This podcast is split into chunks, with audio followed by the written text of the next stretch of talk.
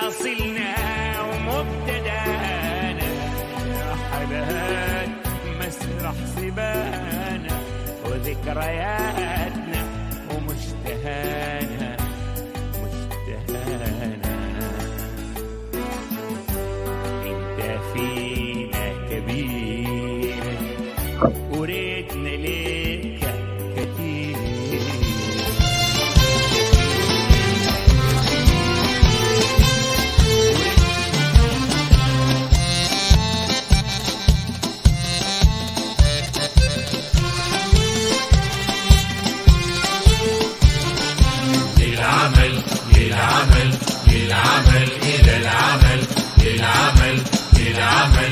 لم يعد غير العمل للعمل للعمل للعمل إلى العمل للعمل للعمل لم يعد غير العمل. قسما برب الكون رب الحسن رب الناس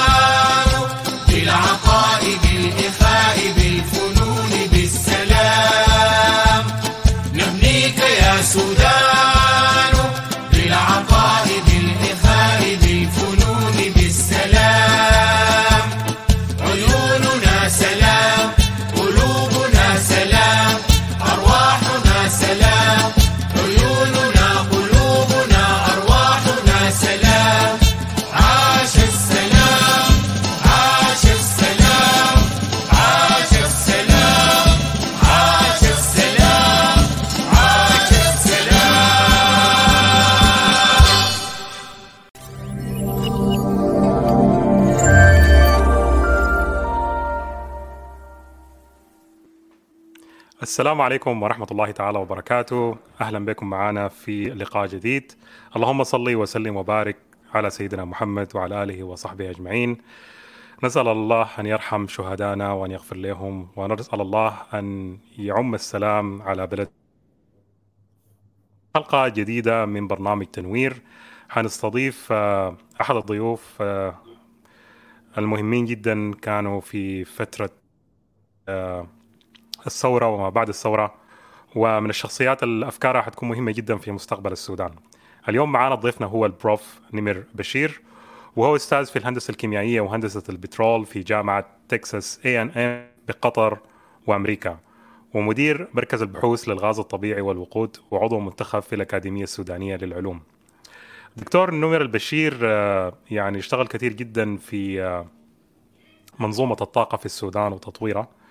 وأنا صراحة على المستوى الشخصي يعني قابلته في آه، يعني أكثر من لقاء كان آه، بقيادة مجموعة كبيرة من علماء السودان وكانوا بيتكلموا عن إنه كيفية تطوير السودان المجالات. وأنا سعدني جدا اليوم إنه يكون معنا فنرحب به مع بعض. أهلا بك يا دكتور نمر. السلام عليكم ورحمة الله وبركاته. آه، بسم الله الرحمن الرحيم والصلاة والسلام على أشرف المرسلين. ويعني في المولد النبوي الاحتفالية آه، يعني نسأل الله سبحانه وتعالى أن يتقبل شهداءنا في جميع بقاع ال- السودان يعني المصابين بهذه الحرب اللعينة. نسأل الله سبحانه وتعالى أن يعجل بالأمن والأمان عليهم قلوبنا معهم في آه، الفاشر وفي نيالا وفي مدرمان وفي الخرطوم وفي كل المدن في السودان والناس ال- ال- ال- ال- ال- داخل السودان مشتتين بعيدين عن بيوتهم ومنازلهم والناس الخارج السودان. وشاكر لك جدا أستاذنا العزيز سعد يعني أنت أخ عزيز ومجهوداتك كبيرة جدا في العملية بتاعة المساهمة الوطنية للسودانيين. وأيضا في عكس الرؤى المختلفة للسودانيين عشان يعني نسأل الله إنه هذه الحرب تقيف ويعني نبني وطن حلمنا به طوال عمرنا وحلمت به أجيال سبقتنا وهو حلم الأجيال القادمة اللي هي بتحملنا نحن المسؤولية الكاملة في كل الفشل اللي حصل منذ الاستقلال للسودان. وأتمنى إنه يعني أساهم مساهمة تكون إضافة لكل الحلقات المميزة اللي أنت بتقدم فيها حاليا. بكل تأكيد يا دكتور شكرا. وأنا أعتز جدا وأفتخر إنك أنت جزء من سلسلة الأفلام النجاحات اللي أنا أخذتها في عندي في القناة في اليوتيوب. ويعني الله أن ينفع بك البلاد والعباد إن شاء الله بإذن الله. وأنت خيرك دائما واصل ورجل يعني معروف حتى على مستوى الدوحة. اياديك ممتدة للسودان وفي مساعدة الكثير من الناس. أنا دكتور دار اسالك من يعني حنتكلم عن السودان من أكثر من ناحية لكن عاوز أسألك أول محور نتكلم عن تجارب الخبرات السودانية في الدعم الداخل قبل وبعد فترة الثورة. يعني طبعا الكلام ده يكون حديث ذو شجون لأنه الشعب السوداني من فترات تاريخية متعاقبة فقد للأسف الشديد الكثير والعديد من الكفاءات السودانية اللي كانت من المفترض إنها تعمل نقلة كبيرة جدا، الحاجة دي حصلت طبعا من السبعينات في أعداد محدودة وبعد ذاك في الثمانينيات بدأت الأعداد تكبر. لكن طبعا في ظل النظام السابق حصلت هجرة ضخمة جدا. ووصلت الأعلى قمتها في يعني كانت في 2016 يعني في تقرير قامت به ال UNDP وهو واحدة من الدراسات الوحيدة العلمية الموجودة للتأثير بتاع الهجرة والاغتراب من السودان وهو نشرته على ما أظن في شهر أكتوبر 2020 وكان مبوب هذا التقرير. طلع من ال UNDP كدراسة علمية متكاملة السيد رئيس الوزراء السابق الدكتور حمدوك. وفي هذه الدراسة في أرقام يعني مؤلمة جدا بتوضح إنه طبعا الهجرة بتاعت السودانيين كانت في الزمن ذاك فاقت ال 10 مليون وهم دي اللي قدروا يتحصلوا له لكن الآن في الوضع الراهن طبعا حتكون الهجرة فاقت العدد ده بكثير.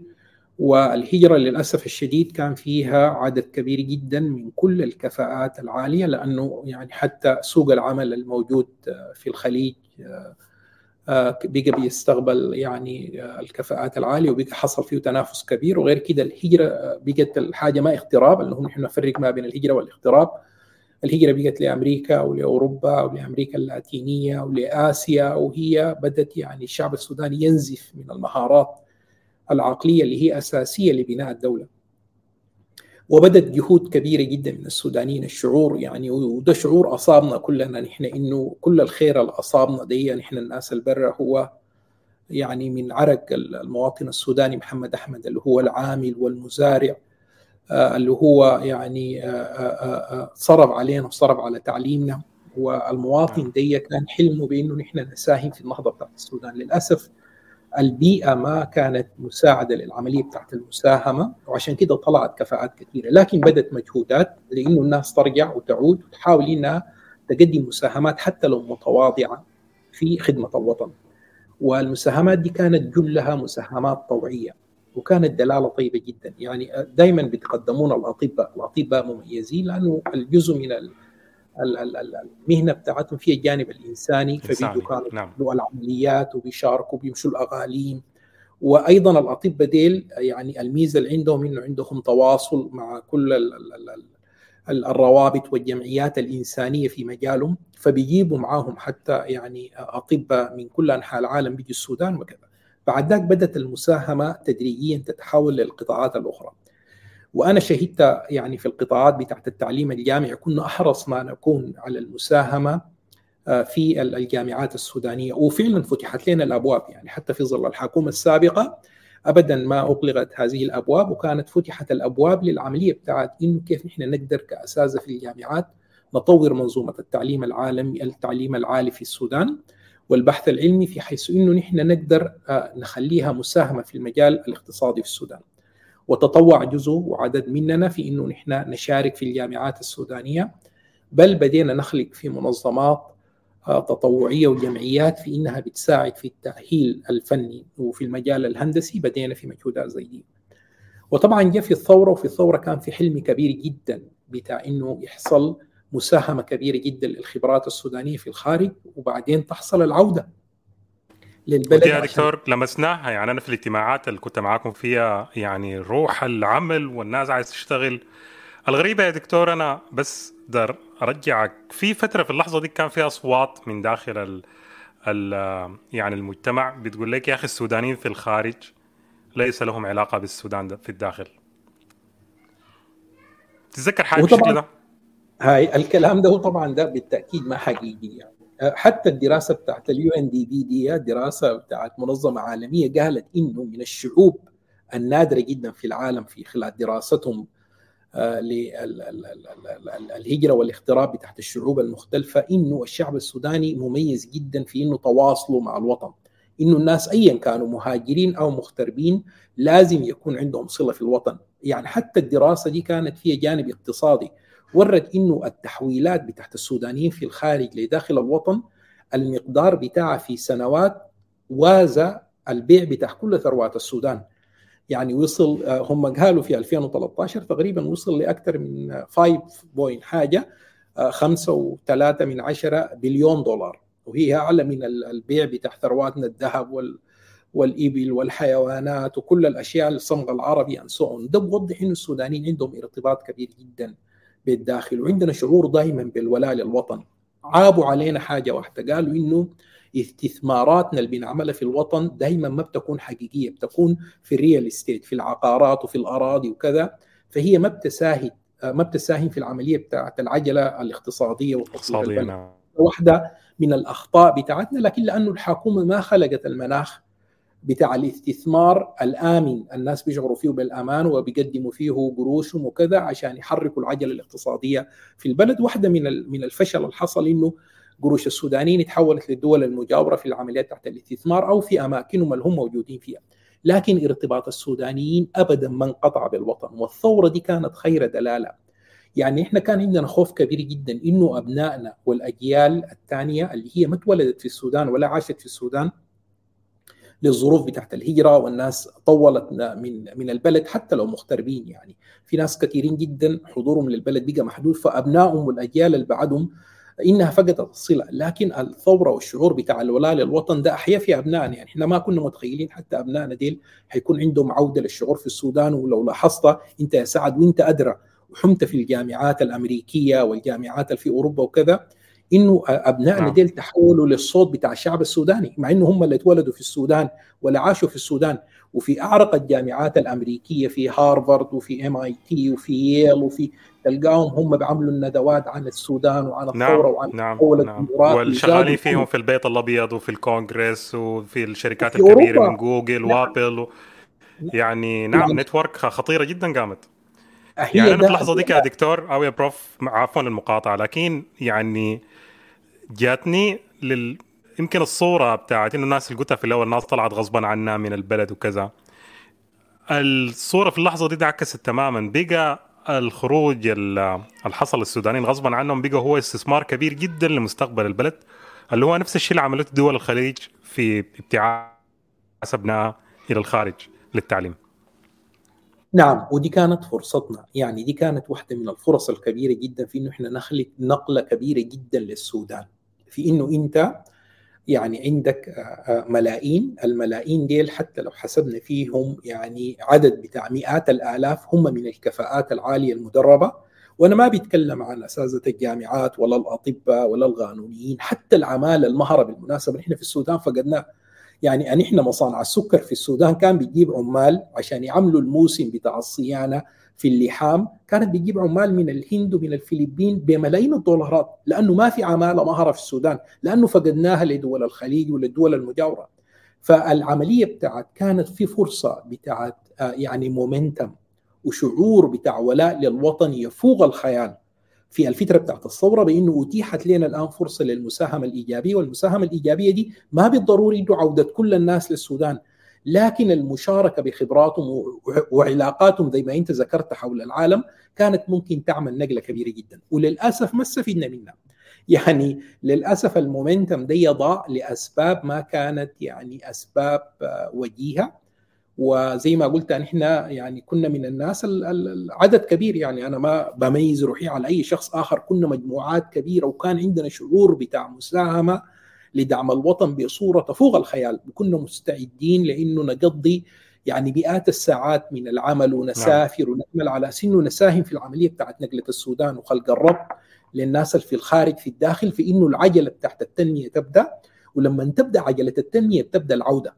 يعني العودة دي مربوطة دائما بالخلق بتاع انك عجلة التنمية. يعني أنت بتبدأ تدور ال- ال- ال- ال- ال- ال- العجلة الاقتصادية دي وحتى لو مشت ببطء الناس لما يشوفوا الأمل الأمل ده طوالي بيرجع الناس للوطن لأنه كلنا عندنا شعور داخلي حنين للوطن في إنه إحنا نرجع بلدنا وإنه نأسس بلدنا ونعيش وسط أهلنا يعني. مهما طلعوا السودانيين يعني الشعور بتاع الولاء للوطن ده أصلا لا يفارقه. نعم. أنا يا يا بروف يعني في ناس كتار جدا بيتكلموا عن دورك الكبير جدا في المجالس التشريع أو عفوا هي اسم اللي كان شاركت فيها أنت؟ المجالس الاستشارية. الاستشارية. مجالس الاستشارية ودورك فيها وإنك أنت من الناس اللي يعني اللي كونوها وحدخل معاك في الحوار ده يعني لكن أنا عايزك تكلمني عن عن تجربتك يعني ما قبل الثورة وعند لقيت يعني على أرض الواقع وجاءت حكومة حمدوك. الفترة دي التعامل داخل أروقة الحكومة السودانية. إذا ممكن تكلمنا عن الفترة دي. كويس. أنا حيتكلم معك بكل صراحة يعني لأنه ده لقاء يا ريت يا. دكتور. أي والله لأنه اللقاء صريح. أنا حرصت على حاجات محددة آه، في خلال تجربتي في الفترة الانتقالية دي إنه أوثق كل التجربة اللي حصلت دي. وأكتب عنها يعني حتى لو كان هو نقد وكان نقد يعني آه، بمس آه، ناس كثيرين أنا اشتغلت معاهم وعندي علاقة طيبة جدا بهم لكن لأنه ده مربوط بتاريخ الشعب السوداني ومربوط بأخطاء حصلت ما كانت من المفترض إنها تحصل زي ما قلت لك نعم المرحلة ما بعد الثورة حصل يعني شعور بتاع ولاء وطني خرافي لكل قطاعات الشعب السوداني اللي في الداخل واللي في الخارج. في الداخل اصابهم أمل كبير جدا بأنه الوطن رغم الظروف و- و- وكانت في قرارات اقتصادية قاسية جدا لكن الأمل الأمل ده هو بالمناسبة واحد من الأهداف الأساسية اللي بتعيش الشعوب واللي بتعمل النقلات. وإنت في أمريكا شاهدت إنه كيف شخص مغمور زي أوباما قصاد هيلاري كلينتون اللي هي عندها تاريخ قوي جدا في الحزب الديمقراطي وزوجها كان رئيس الولايات المتحدة الأمريكية وعندها ولاء كبير جدا للقاعدة تحت الحزب الأساسية. إنه يجي شخص زي أوباما شاب كان relatively لو اتكلمنا عن السن وإنه يجي فجأة ويظهر لها هو هو سنتر في أول فترته ويفوز عليها ويصبح هو الرئيس بتاع الولايات المتحدة الأمريكية. نعم، بس حقيقة. بتاع الأمل ال hope شفت ال hope دي هو اللي بيغير كل ال momentum. الشعب السوداني في المرحلة ديك اصابه ال hope. لكن أنا أيضا أكون أمين معاك بالمناسبة. زي ما ذكرت لك لما جينا نساهم مساهمة وطنية حتى فيما قبل الثورة فتحت لنا الأبواب بالمناسبة. يعني حتى الحكومة السابقة عشان نكون أمينين جدا ابدا ما اغلقت الأبواب قدامنا. يعني كان عندهم تقدير بالمناسبة لنا وكان عندهم تقدير أيضا لإنه نحن ممكن نعمل شنو. لكن دائما التغيير هو بيحصل تغيير مؤسسي. التغيير ده ما بيظهر تغيير شكلي. إحنا كنا عارفين تماما إحنا ممكن نساهم مساهمة فنية وفعلا عملناها. يعني أنا شاركت في الجامعات وأنا اشتغلت كأستاذ آه، زائر متطوع في جامعة السودان للعلوم والتكنولوجيا. وكانت فيها يعني آه، آه، القيادة بتاعت الجامعة خصوصا العميدة بتاعت الكلية دكتورة آه، تغوى محمد موسى كانت حريصة على إنه يعني الجامعة تحصل لها نقلة والكلية تحصل لها نقلة فكانوا مستمعين جي- جيدين جدا لمساهمتنا واشتغلنا معاهم في قطاع الصناعة في النفط والغاز وحاولنا نساهم في العملية بتاعت النقلة وفتحت لنا كل الأبواب. لكن لما جات الفترة بتاعت الثورة شعرنا بإنه التغيير ده حيكون تغيير مؤسسي وهيكلي من الأساس إلى القمه، يعني ما مربوط بالشكليات لكن مربوط بالواقعية. وجينا نساهم عشان نعمل حاجات محددة، كان عندنا إحنا الناس البرة ديل وأنا مساهمتي مساهمة متواضعة ما داير أكبر مساهمتي بأي حال من الأحوال وأقل من ناس كثيرين بذلوا مجهود كبير لكن أنا لأنه كنت بس حريص على إنه إنها تتم بصورة متوازنة وتمت بإشكال مختلفه زي ما ذكرت أنت المؤتمر اللي أنت حضرته معانا في جامعة جورج تاون آه، في شهر يونيو وكانت في فترة صعبة جدا لأنه كان تم فض الاعتصام بعد الثورة. للأساتذة السودانيين في الجامعات الأمريكية. وفعلا خلقنا جسم كان مميز ونحن كنا جزء أساسي منه مع مجموعة مميزة جدا من العلماء السودانيين في الجامعات الأمريكية. والجسم ده ساهم أيضا في مساهمات كبيرة في في المرحلة الانتقالية وفي فترة كانت آه، حقيقية للسودان. لكن أيضا ساهمت في المجال المهني في قطر. يعني قطر دي فيها مجموعة بتاعت الروابط المهنية وأيضا هي فيها تنسيق مجتمعي مميز للسودانيين. وعندهم مساهمة إيجابية كبيرة جدا كانت وكنت جزء من هذا الفصيل وهو ده الفصيل العمل المجالس الاستشارية بالمناسبة مع أساتذة آه، مبادرة أساتذة جامعة الخرطوم بروفيسور منتصر الطيب وجروب كبير جدا من العلماء وكان تجمع المهنيين في الوقت ذاك يعني. لما جينا لمرحلة الثورة كان إنه كيف نحن نغري كل القدرات المهنية السودانية في إنها تساهم في الحكومة الانتقالية، جينا بقاعدة محددة بإنه المرحلة الانتقالية مرحلة صعبة جدا حتكون. كنا عارفين الكلام ده إنه هي حتكون لعملية بتاعت إعادة تأسيس للوطن والدولة دي حتكون يعني آه، مثقلة بأعباء بتاعت منظومة ما كانت مبنية على أسس علمية لا في الخدمة المدنية لا في العملية بتاعت التخطيط الاستراتيجي لا في الصلات مع العالم فإنت داير تعيد كل الخيوط دي مع بعض فإنت ما محتاج لأشخاص فقط. أنت محتاج لمنظومات بتاعت عمل ومنظومات بتاعت عمل عندها قدرات محددة وهي دي تشتغل بالتنسيق مع الوزراء أو القادة التنفيذيين اللي أنت بتعينهم في الدولة. وإنه الوزراء أو القادة التنفيذيين ديل ما حيتعاملوا كما تعاملوا في النظام القديم إنه حيكون عندهم السلطة تحت الأمر والنهي والقرارات. إنه الحاجة القرارات دي لأنه هي لا تقبل الخطأ في الفترة الانتقالية لازم تتم بصورة منظمة جدا. ويحصل لها دراسة من جروبات من الخبراء من ناس الداخل لأنه هم أدرى بالواقع ومن ناس الخارج اللي هم عندهم خبرات مميزة جدا في دول ومنظومات عالمية وممكن يختصروا على الشعب السوداني مسافات بتاعت سنوات في القرارات دي لأنه خبراتهم دي حتساعد زملائهم اللي في الداخل وحتساعد في العملية بتاعت النهضة بتاعت السودان. وكنا مستوعبين تماما إنه بدون هذا الشرط ابدا ما حيحصل نقلة للسودان في الفترة الانتقالية.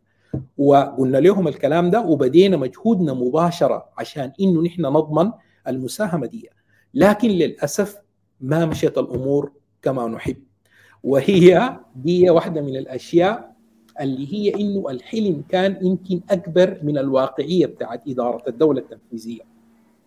يعني لما نعم. جينا قعدنا في المؤتمر دي آه، في أغسطس 17 و18 2019 كان ده أول مؤتمر لقوى الثورة يحصل فيه اندماج لكل القوى الفعالة الموجودة في المجتمع المدني في القطاع الخاص في القطاع العام في الحكومة في تجمع المهنيين في إنه كيف نحن نشكل رؤية لتأسيس مجالس استشارية. المجالس الاستشارية دي تعين الحكومة في الفترة الانتقالية وتكون واحدة من الأدوات بتاعت نجاح الوطن. الغريبة إنه كانوا قاعدين وزراء.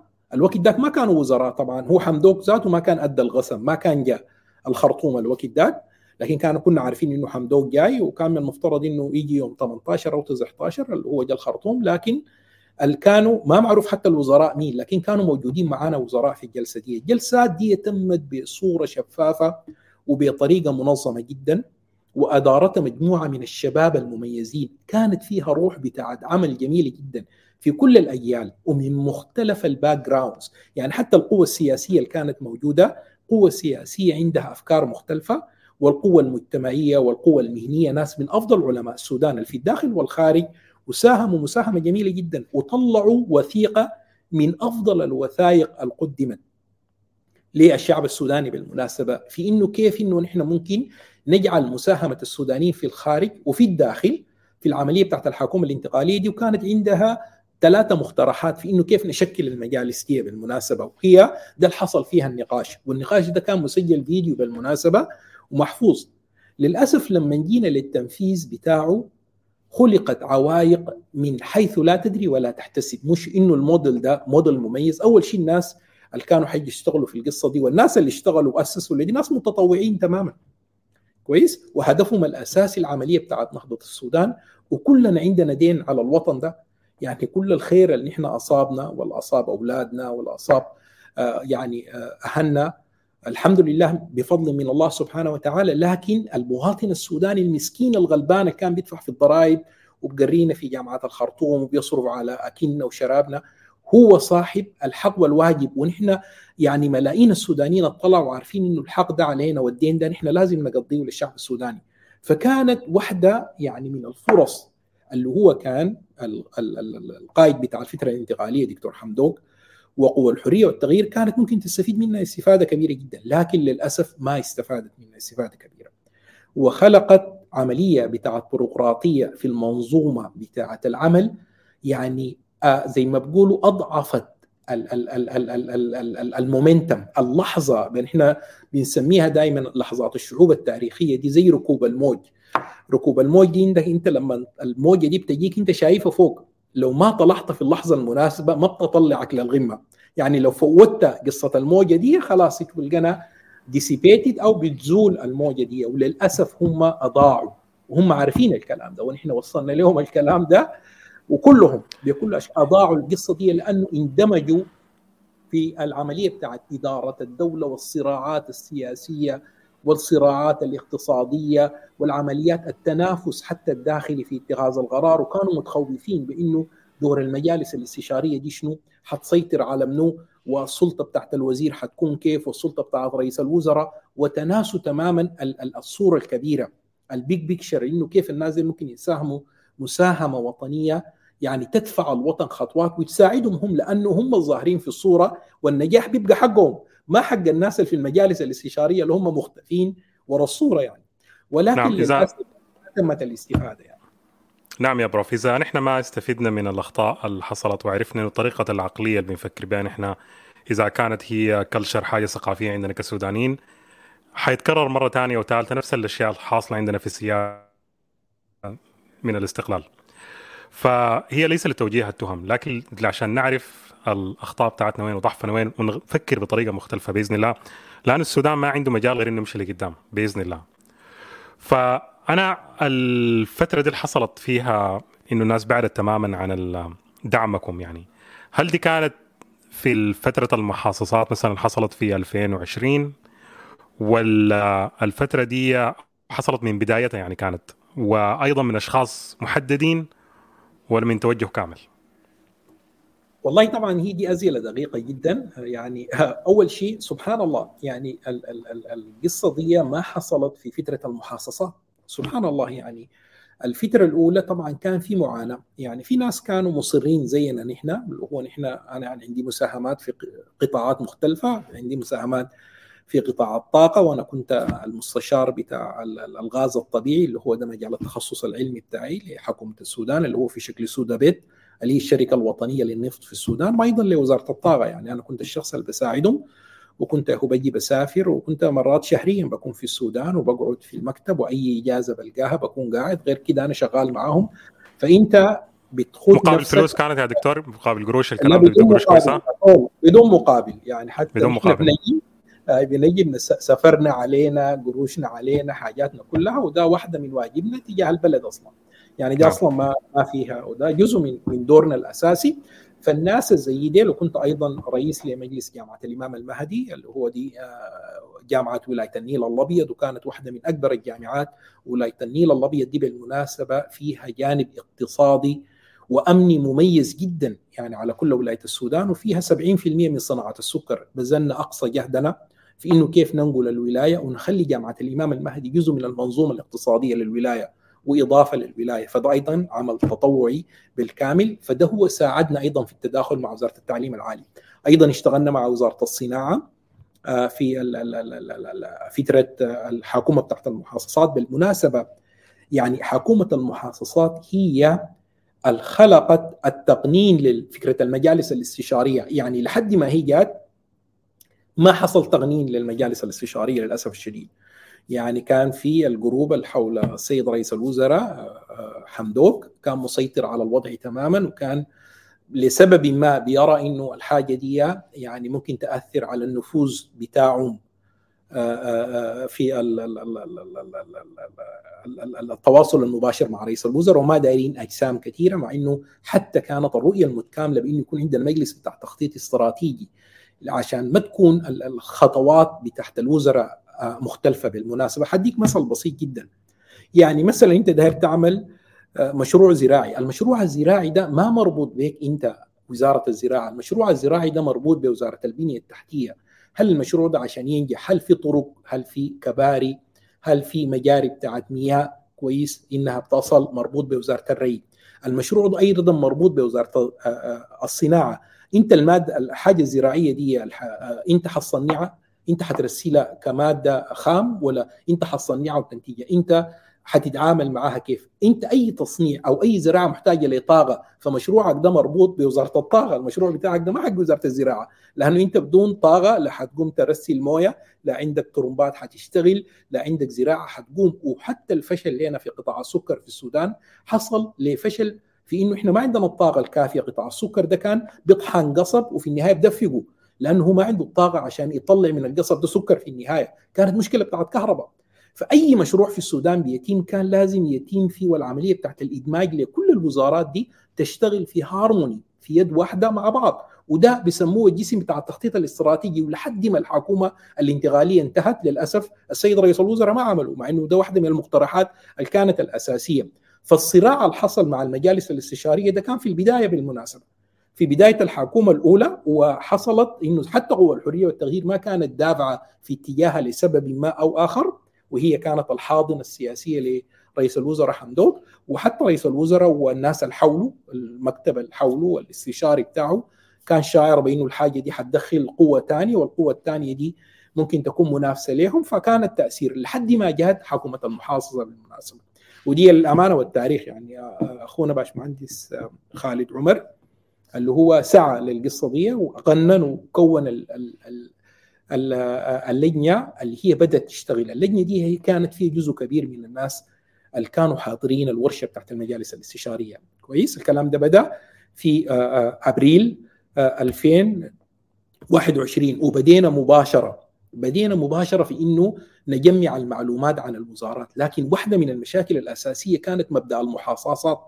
لأنه مبدأ المحاصصة ده أشعر الوزراء بإنه الوزارة دي حقتهم بناء على الحزب بتاعهم ولا الحركة المسلحة بتاعتهم ولا كده وإنه الحاجة دي حقتهم is not belong لحكومة السودان هي ما ملك لحكومة السودان. فالقصة بتاعت إنك أنت كيف تقنعهم بإنه يا أخي الحاجة دي كلها إضافة لكم وإن إحنا كل هدفنا الأساسي في إنه يا أخي يسير العملية بتاعت هيكلة الدولة والمنظومة إنه إحنا ندعمكم وأنتم تنجحوا.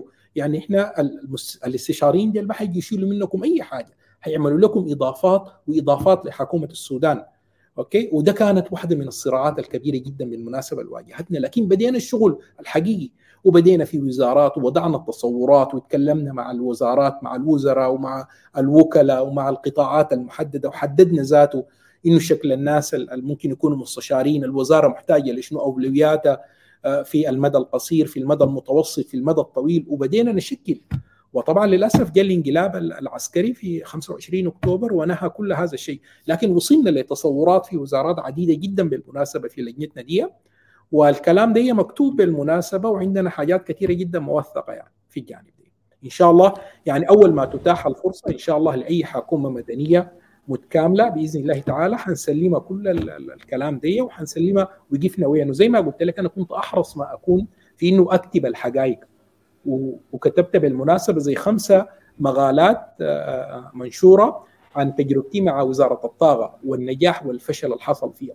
والتجربة دي كلها بكل تفاصيل على أساس إنه أول ما يجي المرحلة القادمة إن شاء الله سيسلم بالكامل للفريق اللي حيجي وإنه يا جماعة أبدوا من محل ما انتهينا. لأنه نحن الآن بعد الحرب دي ساعات دخلنا في مرحلة ثانية المرحلة دي اسوء عشرات المرات أنا يعني لما نقول عشرات المرات أنا ما داير اللقاء ده يكون محبط للشعب السوداني بل دافع للأمل. بإذن الله تعالى ربنا حينصرنا وحينصر الخير اللي فينا. وحنبني السودان الجديد. اللي إحنا بنحلم به. ما لينا نحن بالمناسبة لكن للأجيال القادمة. يعني نحن واجبنا الآن في إنه الفشل اللي حصل في خلال ال 60 سنة دي إنه إحنا نعمل نقلة كبيرة جدا، النقلة دي توازي أحلام الأجيال القادمة. والحرب دي خلقت واقع مؤلم ومزري ودمار يعني فاق كل خيالنا. لكن في كل المصايب الكبرى اللي بتصيب الأمم هناك فرص. الآن عندنا فرصة إنه نبني وطن، وطن جديد بكامل المعنى. الوطن الجديد ده بيحتاج لرؤية متكاملة ورؤية شاملة وطرق مختلفة تماما من كل الطرق اللي اتبعناها نحن من فترة الاستقلال ويمكن دي هي الفرصة الأساسية لإنه المساهمات تكون مساهمات مختلفة بالكامل بالمناسبة وده جانب ممكن نتكلم عليه لاحقا إن شاء الله عشان ما أدخل في طيب. في تفاصيل. نعم نعم يا دكتور. أنا على فكرة يعني بتمنى إنه أعمل معك لقاء ثاني ويكون فيه إجابات مباشرة من الجماهير لأن متأكد إن الناس حتكون عندها أسئلة كثيرة. فاللقاء ده حخليه يكون لقاء صغير ومختصر. لكن قبل كده أنا عايز أسألك عن حسي كلام أنت قلت لي فترة المحاصصات كانت أفضل من الفترة اللي كانت سابقة لا يعني. الكلام ده بي يعني كنت عملت لقاء مع مع باش مهندس اللي هو وزير اللي كان وزير البنية التحتية. هاشم بن عوف. أيوه باش باشمهندس هاشم بن عوف. وباشمهندس هاشم بن عوف كان بيتكلم عن إنه هو قدم استقالته لأنه أصبحت حكومة محافظات ف فكيف الحتة دي يعني؟ أنتوا قبل الفترة دي كنتوا شغالين ما قادرين تشتغلوا بعد ما تحولت لحكومه محافظات بس الحتة دي ما قدرت أفهمها يعني. هل سياسيا أيوة كان عندكم التأييد؟ طبعا آه عشان ما أنا يعني أنا ابدا ما أيدت حكومة المحافظات على الإطلاق. دي واحدة من الأخطاء الكبيرة جدا اللي حصلت في الالتزام بتاع قوة التغيير والحرية بالتحول الديمقراطي لأنه هم قدموا التزام مباشر للشعب السوداني. نعم. لأن هم ما حيدخلوا في العملية بتاعة الوزارات وإنه القصة دي هي حتكون حكومة انتقالية ما فيها أي جانب سياسي بل حيكون جانب وطني وحيكون مبني على أسس مهنية في المقام الأول وتكنوقراط يعني لكن تكنوقراط مفترض إنه يكون عندهم البعد السياسي. ده دي أنا الشعور اللي إحنا كلنا كان عندنا يعني.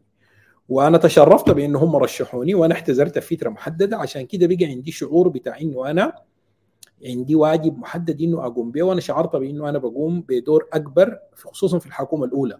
بقوم في دور أكبر لما أنا أكون في الجانب الاستشاري لأنه بقدر أتجول في عدة قطاعات وأشتغل شغلي بحرية ما مربوطة بالقصة بتاعت الوزارة أو الوظيفة الرسمية التنفيذية المحددة. وده كان هدفي الأساسي إنه أشتغل متطوع وأشتغل في قطاع التعليم العالي اللي هو تخصصي كأستاذ جامعي. أشتغل في قطاع الطاقة لأنه ده تخصصي الفني واشتغلت في الشركات وفي الصناعة. وأشتغل في إنه أدعم الصلة ما بين الصناعة والطاقة والتعليم العالي في إنه اخلق مثلث المثلث ده يساهم وده اللي عملته. الحمد لله رب العالمين يعني في التشكيلات بتاعت العمل الاستشاري بتاعي في سودابيتو في وزارة الطاقة الشغل اللي عملناه لمؤتمر باريس التحضير بتاع كل مشاريع الطاقة في السودان ولو عندك وقت ممكن أشاركك به وأشارك الناس به وكان ده شغل بالمناسبة حيغير قطاع الطاقة في السودان بالكامل. الشغل اللي عملناه في وزارة الصناعة في مجال صناعة السكر وكيف إنه ننقلها وكيف نحن عملنا المعهد القومي لقطاع السكر في السودان وكذا إنه الحاجات دي كلها كانت مربوطة ببعض. أنا ابدا ما مؤيد للحكومة بتاعت ال ال ال ال أنا بس ذكرت حقيقة للتاريخ. أنا ما مؤيد للحكومة بتاعت المحاصصات وأنا أظن إنه خطأ كبير جدا وخطأ يعني أدى بينا لمرحلة من فقدان الصلة مع الشارع الثوري. أو الناس زينا إحنا ناس مهنيين ما عندنا أي ولاء لأي قطاعات سياسية وأنا اي ديكليرد at this moment إنه أنا ما عندي صلة حتى بأي من الأجسام الرسمية لقوى الحرية والتغيير لكن بندعم أي قوة وطنية بتسعى للتحول الديمقراطي بكل اشكاله.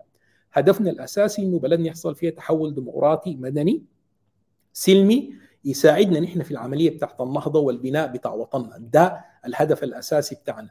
لكن ذكرت معلومة محددة إنه المجالس الاستشارية بالذات في الفترة بتاعت الحكومة الأولى ما حصل فيه أي قرار مع إنه كان القرار التقرير جاهز وسلم للسيد رئيس الوزراء حمدوك في يده تم تسليمه أنا قابلته شخصيا وأنا ما قابلته كثير بالمناسبة أنا قابلته مرة واحدة السيد رئيس الوزراء حمدوك وفي مكتبه سلمناه هذا التقرير وسلمنا لناس مكتبه وجاوا من جهات كثيرة جدا جاوا من تجمع المهنيين سلمناه لقوى الحرية والتغيير وجينا وسكيناهم وكنا بنجي يعني بصورة دورية معي أنا يعني معي مجموعة من الجروب من الناس المميزين شاركوا فيها أذكر باش مهندس ياسر صبير وباش مهندس طارق ابو قرون وأيضا يعني بروفيسور منتصر الطيب وكل الناس اللي كانوا في قيادة العمل ده كانوا أحرص ما يكونوا بإنه يوصلوا إنه يا جماعة الحاجة دي ضرورة. يعني الحاجة دي ما اختيارية لكم الحاجة دي حتكون ضرورة في المرحلة القادمة لأنه حتساعدكم في العملية بتاعة التطوير والعملية بتاعت حل المشاكل ووضع رؤى سليمة لأنه ما من حقكم أنتم أنتم ما منتخبين في الفترة الانتقالية عشان ترتكبوا أخطاء. أنتم ما عندكم اي حق أنتم ما عندكم mandate ال mandate بتاعكم هو الثورة. والثورة دي مطالبة بتغيير كامل في البلد وتغيير في الاتجاه الصح ما في الاتجاه الخاطئ. أنا ذكرته كمعلومة بإنه يعني آه، لما جاء الحاجة دي ما حصل في أي حاجة. الفكرة كلها لما جاء أخونا خالد عمر اللي هو كان رئيس مجلس آه، وزير آه، شؤون مجلس الوزراء اللي هو أخذ الخطوة بتاعت إنه تكوين لجنة لتكوين المجالس الاستشارية وبدأت الخطوات يعني هو على ما أظن أغنى السيد رئيس الوزراء حمدوك وبعد ذاك بدأ الحراك ودي للأمانة والتاريخ. بذكرها لكن ده ما بيعني إنه أنا بذكر أخونا هاشم بن عوف بالمناسبه هو واحد من الحصاد بتاع التميز بتاع المجهود اللي بذلناه يعني عندنا تجمع مهندسي جامعة الخرطوم وأنا دي جسم من الأجسام الوطنية اللي أنا اشتغلت معاه وبدينا شغلنا من الاعتصام آه، أمام القيادة. وجسم كان قبال من أيام الثورة الأولى بدينا نشتغل في إنه كيف نحن كمهندسين نساهم في العملية بتاعت النقلة وقسمنا روحنا ل think tanks ولمنظومات بتاعت بحوث في تطوير كل القطاعات الهندسية وأخونا هاشم لعب دور أساسي وكبير جدا في العملية بتاعت ال group بتاع البنية التحتية واشتغل شغل مميز وفعلا تم ترشيحه وأدى أداء مميز بتاع شاب كوزير وبرؤية فنية وكان عنده group كبير والناس ساعدته بالمناسبة وقدم مثل طيب جدا. النقلة اللي حصلت طبعا إنه كلهم شعروا بإنه التنازل اللي حصل بعد سلام جوبا لأنه القصة كلها حصلت في القصة بتاع سلام جوبا، أنا ما أقدر أخش في السياسة، أنا راجل مهني عندي رؤاي السياسية اللي بناقشها مع أصحابنا في الجروبات وكذا لكن داير اللقاء ده يكون basically focusing على الجانب المهني لكن الحاجات دي أثرت تأثير سلبي جدا. القصة بتاعت المحاصصة والقصة بتاعت سوقة البلد لاتجاه محدد في القصة بتاعت تقسيم الوزارات بصورة إنه ده للحزب الفلاني وبدت بالمناسبة حركة بتاعت يعني آآ آآ نقلة كبيرة جدا في الهدف الأساسي. الهدف الأول بتاعنا كان هدف وطني خالص إنه نحن ما عندنا أي مصالح لا جهوية لا حزبية نحن كنا شغالين في العملية بتاعت التغيير الشامل. بعد ذاك بقى جات مصالح جهوية وجات مصالح حزبية بالمناسبة حتى في الوزارات وفي الهيكلة وتم ضرر كبير جدا حصل لكل الشغل اللي عملناه التأسيسي.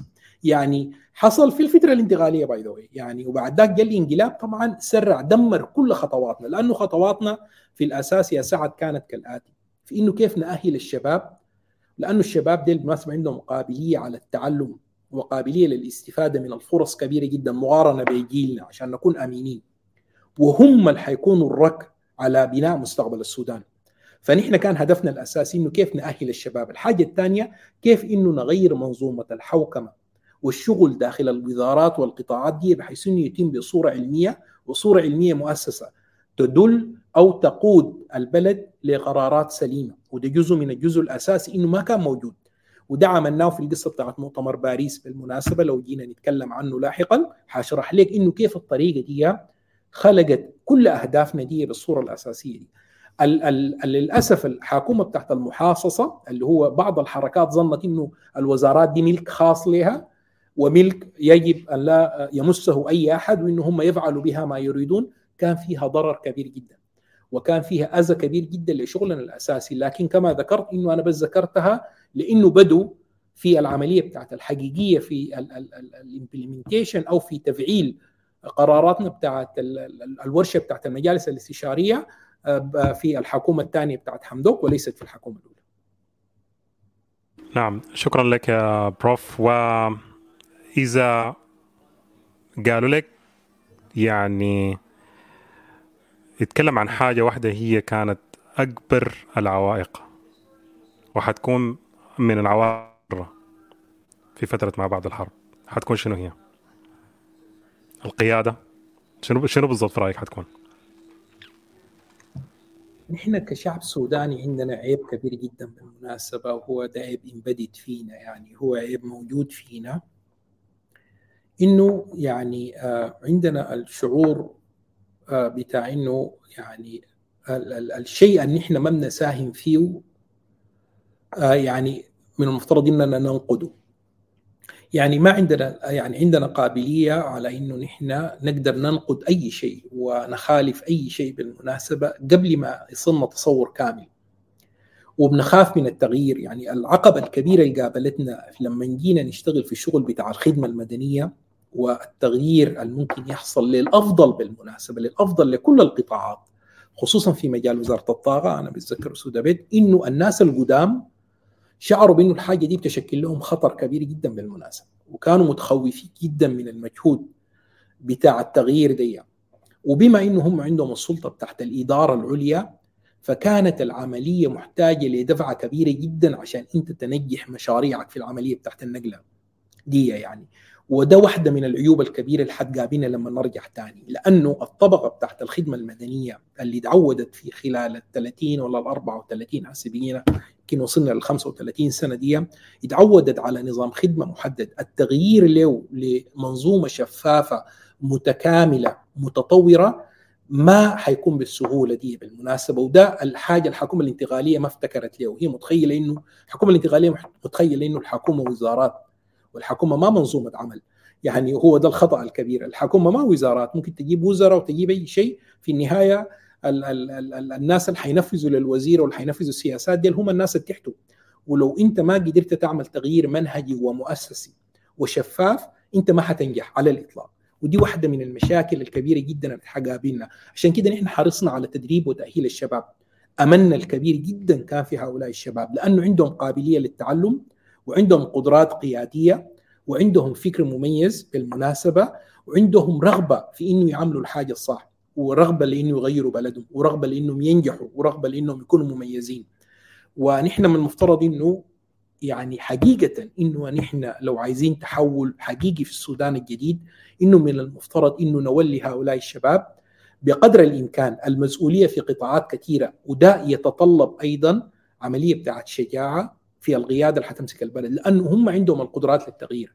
ما الأجيال بتاعتنا؟ الأجيال بتاعتنا للأسف الشديد محدودة جدا خصوصا الموجودة في الداخل من حيث الإمكانيات من حيث التجربة وما عندها القدرة لأنها تعمل نقلات كبيرة للسودان يعني ونحن ده واحدة من العوائق الأساسية اللي قابلتنا لأنه المنظومة اللي ورثناها من النظام القديم هي منظومة هشة جدا وكانت تدار الدولة بالكامل في شكل آخر غير موجود حقيقة في منظومة القرارات الرسمية والهيكلية والشفافية بتاعة إصدار القرار وده أنا شاهدته بعيني يعني.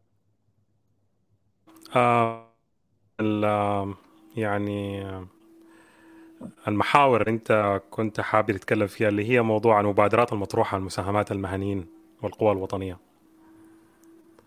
فهل عايز تلقي على الضوء؟ كويس يعني أنا حسي قلت أشارككم بس بتجارب بسيطة جدا عشان نعم. عشان نوضح للشعب السوداني إنه المستوى بتاع الأمل كان قدر شنو في في البلد وإنه البلد دي فيها أمل كبير جدا يعني الحرب دي كسرتنا نفسيا وأيضا خلقت يعني وضع نفسي وأيضا يعني شعور بالإحباط كبير. لكن يعني الأمل في الله سبحانه وتعالى لا ينقطع والأمل في خير بلدنا. فأنا يا أخي لو قدرت والله يا أستاذنا العزيز سعد قدرت تقدر تفتح السلايدز من مؤتمر باريس أنا حاشرح لهم بأنه كيف إنه الأمل دي ممكن يتنقل وإنه كيف الأمل ده يساهم في نقلة البلد اللي قدام أيوه. كويس. يعني إحنا في السودان بالمناسبة عندنا مشكلة كبيرة جدا بتاع الطاقه ولو نحن ما قدرنا ننقل قطاع الطاقة في السودان رح يكون عندنا صناعة لا زراعة لا بنية تحتية ولا دولة ذاته. نحن دولة فقيرة في قطاع الطاقة ما لأنه إمكانياتنا بالمناسبة نحن عندنا يعني إمكانيات بالمناسبة بتاعت مهندسين في القطاع مثلا بتاع النفط والغاز في السودان النفط بالذات قطاع النفط من أميز المهندسين في أفريقيا باي ذا يعني للشعب السوداني اديكم بشارة. أوكي؟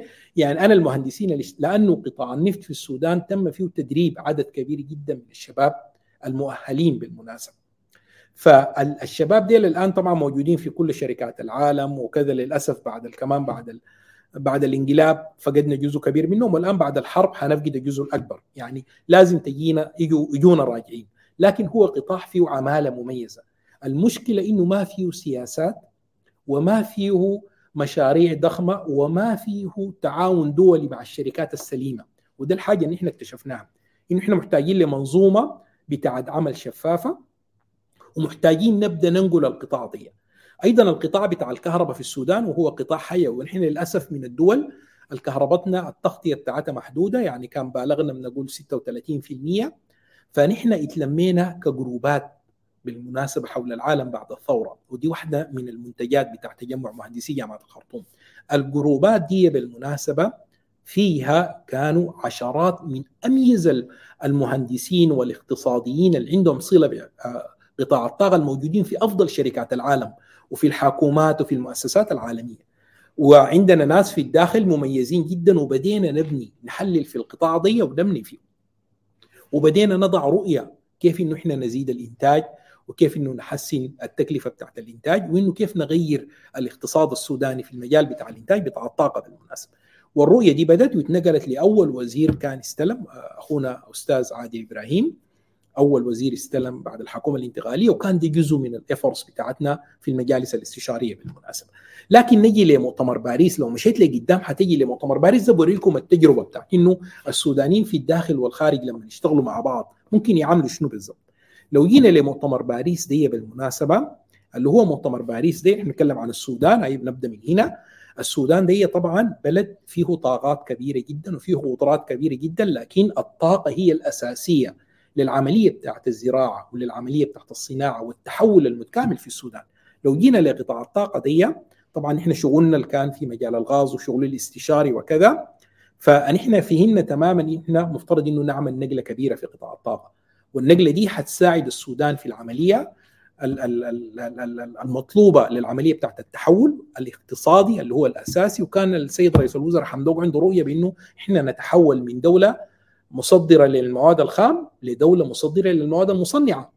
فمعناها نحن لازم نعمل عملية بتاعت بنية صناعية مؤسسة والبنية الصناعية دي عندها بنية تحتية عندها طرق وعندنا مواني وعندنا قطارات وعندنا كده. فبدينا المشاريع بتاعتنا بالمناسبة. لو مشيت لقدام أستاذنا العزيز حتلقى إنه بدينا بتصور محدد للعملية بتاعت القطاعات دي وبقرار كان حكيم أيضا من السيد الوزير أيضا في الحكومة بتاعت المحاصصة من حزب الأمة باش مهندس جادين.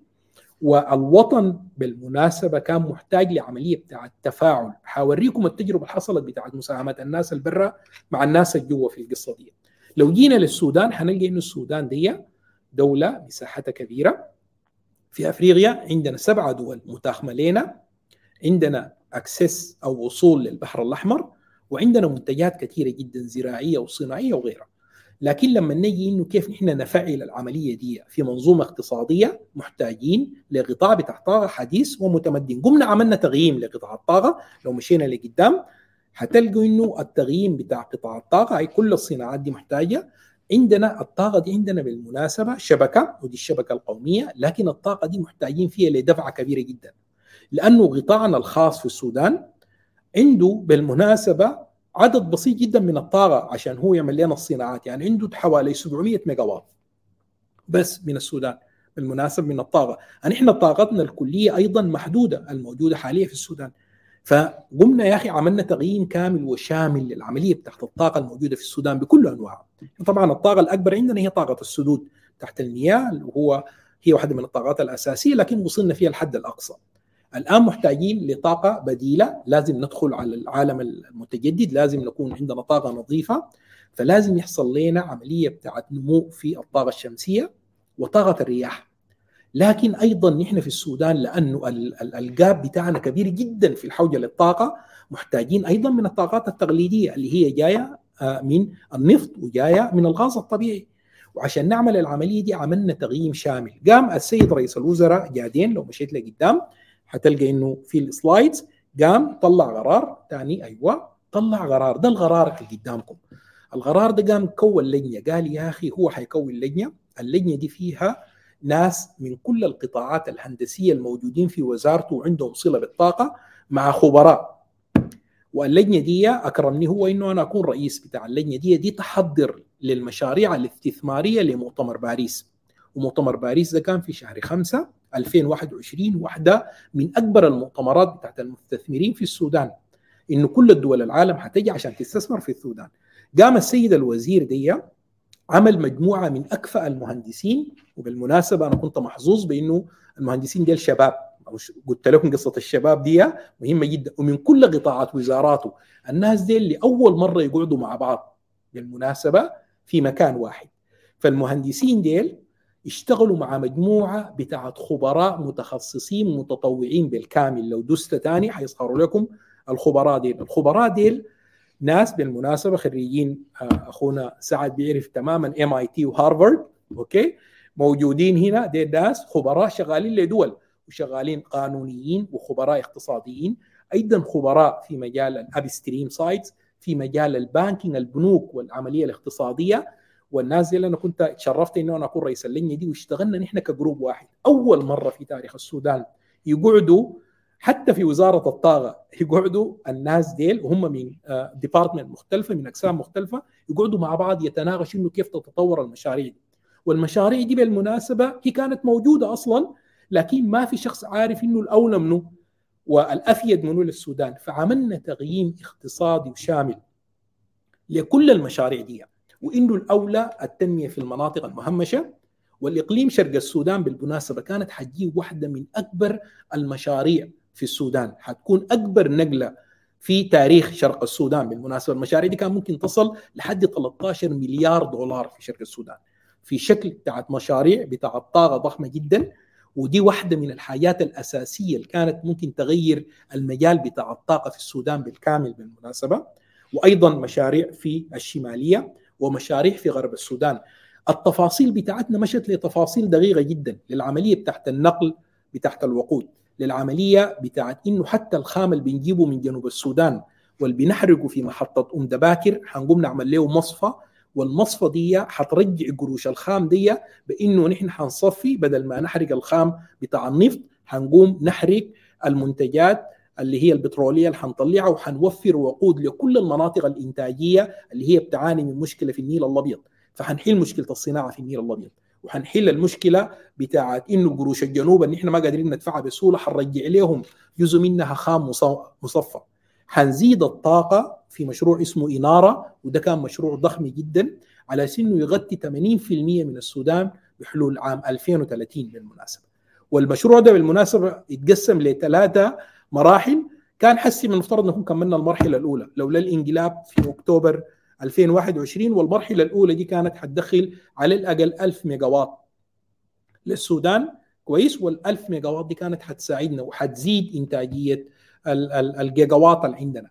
الحاجة دي كانت مشاريع أنا ما أقدر أدخلكم في جانب فني لكن بيوريكم إنه العمل بتاع الخبراء في الخارج لما يشتغلوا مع الناس في الداخل كيف إنه بيقدروا ينتجوا منظومة متكاملة من العمل والمنظومة دي حددت مشاريع. وحتى يعني أخونا يعني آآ آآ أستاذ مصطفى جعفر واحد من الشباب المميزين جدا وقلت لكم واحد من خريجين MIT هو عمل حتى ال presentation لحكومة السودان كلها في المشاريع المشهد لمؤتمر باريس بالمناسبة وكان جزء من الفريق بتاعنا.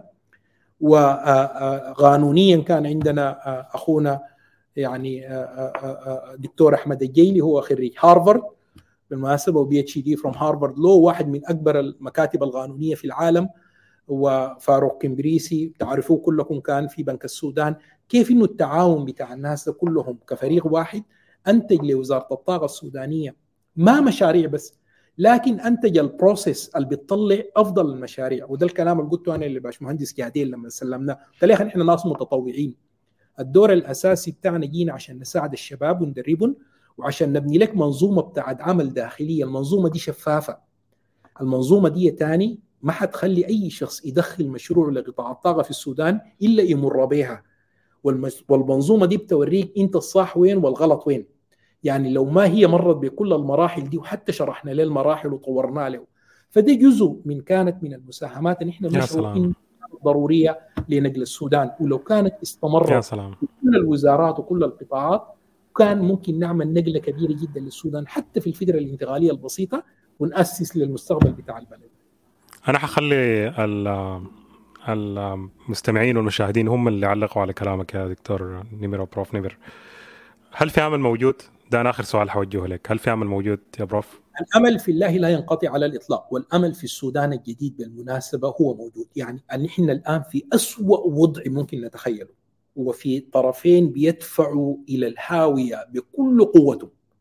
لكن الأمل في الله سبحانه وتعالى لا ينقطع. والأمل إنه نحن نبني سودان جديد بالكامل مختلف تماما.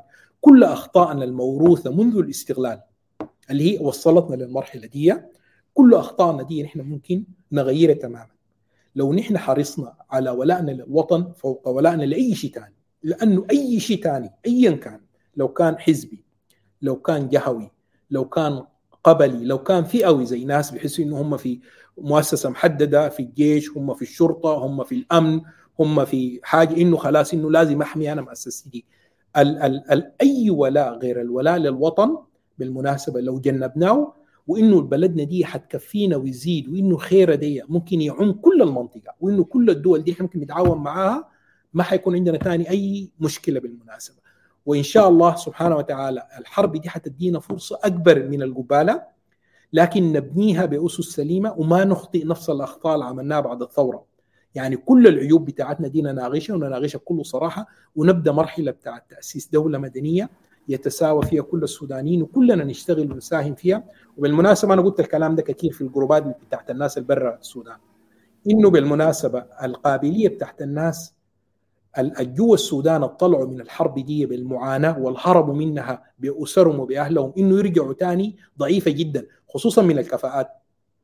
الناس البرة لازم يضحوا ويرجعوا السودان. يعني الناس البرة عشان يتبني السودان الجديد ده لازم هم يقدموا التضحية. يعني زملائنا اللي قعدوا في السودان وصمدوا في الفترات الطويلة دي ما قصروا في حق أهلهم في حق بلدهم ودينهم ده علينا. الآن نحن دورنا الناس البرة نساهم مساهمة كبيرة جدا في نقلة السودان وبتجرد وطني. في الأساس ما عنده أي صلة بأي مكاسب لا جهوية لا قبلية لا شخصية لا فئوية لا عنصرية لكل الناس اللي بيسكوا وبيقسموا في في الكيكة والكحكة الموجودة دي لا في كيكة لا في كحكة في وطن واحد. لو كلنا اشتغلنا فيه كلنا حنكسب وما في أي طرف فينا حيخسر بإذن الله تعالى. بإذن الله تعالى. أنا يا بروف بس حطلب منك طلب إنه يعني تدينا من وقتك ونطلع معك مقابلة إن شاء الله تكون فيها زي ما قلت لك إنه تفاعل مع الجمهور لأن أنا متأكد الحلقة دي حتترك يعني أسئلة كثيرة جدا للناس وأنا قصدت ان أنا ما أتعمق معاك في أسئلة كثيرة لأنه عارف إنه يعني أنا أفضل دائما إنه رأيي يجي من الجمهور ومن الناس اللي, اللي عايزين تعرف ويعني تشغل زي ما بيقولوا راسها بالشكل الصحيح على إنه السودان يمشي لقدام فبنحاول إن شاء الله بعد أسبوعين بإذن الله بالكثير إنه نقابلك مرة ثانية إذا أمكن إن شاء الله. إن شاء الله بإذن الله تعالى أنا مستعد جدا لأي أسئلة في كل المجالات اللي أنا تكلمت عنها دي في كل المجالات الفنية والتخصصية. أنا على قمة الاستعداد أنا لاحظت انه في أسئلة في صفحتك مميزة جدا بالمناسبة. ما قدرنا نخش في التفاصيل الفنية بتاعت إنه كيف حنقسم قطاعات الطاقة في السودان كيف حنتعامل نعم. مع الطاقة النظيفة وإنه كيف إنه حنقابل التحديات الموجودة داخليا. إن شاء الله في حلقة قادمة نتكلم عنها تفصيليا خصوصا في مجالات الطاقة إنه كيف التقسيمات دي حتحصل. وأنا حسي كنت بالمناسبة جاي من مؤتمر الورد بتروليوم كونغرس. ده أكبر مؤتمر لشركات البترول ودول الشغاله في البترول في العالم وعلم السودان جاء طبعا. أنا قاعد في العشاء في الدينر. يعني أنا كنت يعني كنت أبكي لأنه ظهر علم السودان في نفس اليوم اللي اتحرق فيه شركة جنبوك. العمارة بتاعت شركة جنبوك اللي هي جريتر نايل وهي واحدة من الشركات الضخمة في السودان وكذا. نفس اليوم اللي اتحرق وأنا في المؤتمر دي في كالجري في كندا ظهر علم السودان. يعني والسودان غايب طبعا كان عن هذه الفعالية. لكن يعني كان حاضر في قلوبنا إنه العالم كله بيتكلم إنه المرحلة بتاعت انتقال الطاقة دي دي ما مرحلة سهلة. ففي دول نحن ما أثرت على التأثير على البيئة. نحن ما بندفع السعر بتاع أمريكا والصين والناس اللي هم يعني عملوا كل ال emissions الدول الصناعية الكبرى. نحن الآن أولويتنا أرخص طاقة ممكنة بالنسبة لنا. كويس؟ وفي نفس الوقت بنحاول قدر الإمكان إنه نكون في جانب الطاقة النظيفة لكن ما تأثر علينا اقتصاديا لأنه نحن ال gap بتاعنا كبير جدا. لكن نتكلم عنها إن شاء الله في المرات الجاية بتفاصيل أكثر ونذكر كل الجداول دي بإذن الله. نعم نعم يا دكتور. أنا أنا مخطط إنه بإذن الله الحلقة الجاية معك تكون أكثر تفصيلا. نتكلم عن الطاقة نتكلم عن إنه الناتج كيف ممكن تساعد في الناتج القومي والمساهمة حتكون يعني آه، كيف ممكن وأيضا الشركات العالمية دورها شنو مع الشركات المحلية؟ إذا احتجنا لهذا القطاع أيضا. شكرا لك كثير يا بروف واسال الله إنه يعني العمل اللي قمت به وده ما يضيع وأكيد ما حيضيع لأنه البذره الصالحة لابد إنها تموت في يوم من الأيام إن شاء الله بإذن الله. فأنا أكد لك إنه عملك ما راح والشباب اللي تعاملوا معك أكيد استفادوا من التجربة. وبإذن الله تشوف إنه يعني نتيجة العمل اللي قمت به وأنت والمجموعة الكريمة معك. شكرا لك يا بروف. إن شاء الله. تسلم الله يكرمكم. ألف شكر في, أمان الله. السلام عليكم. في أمان الله.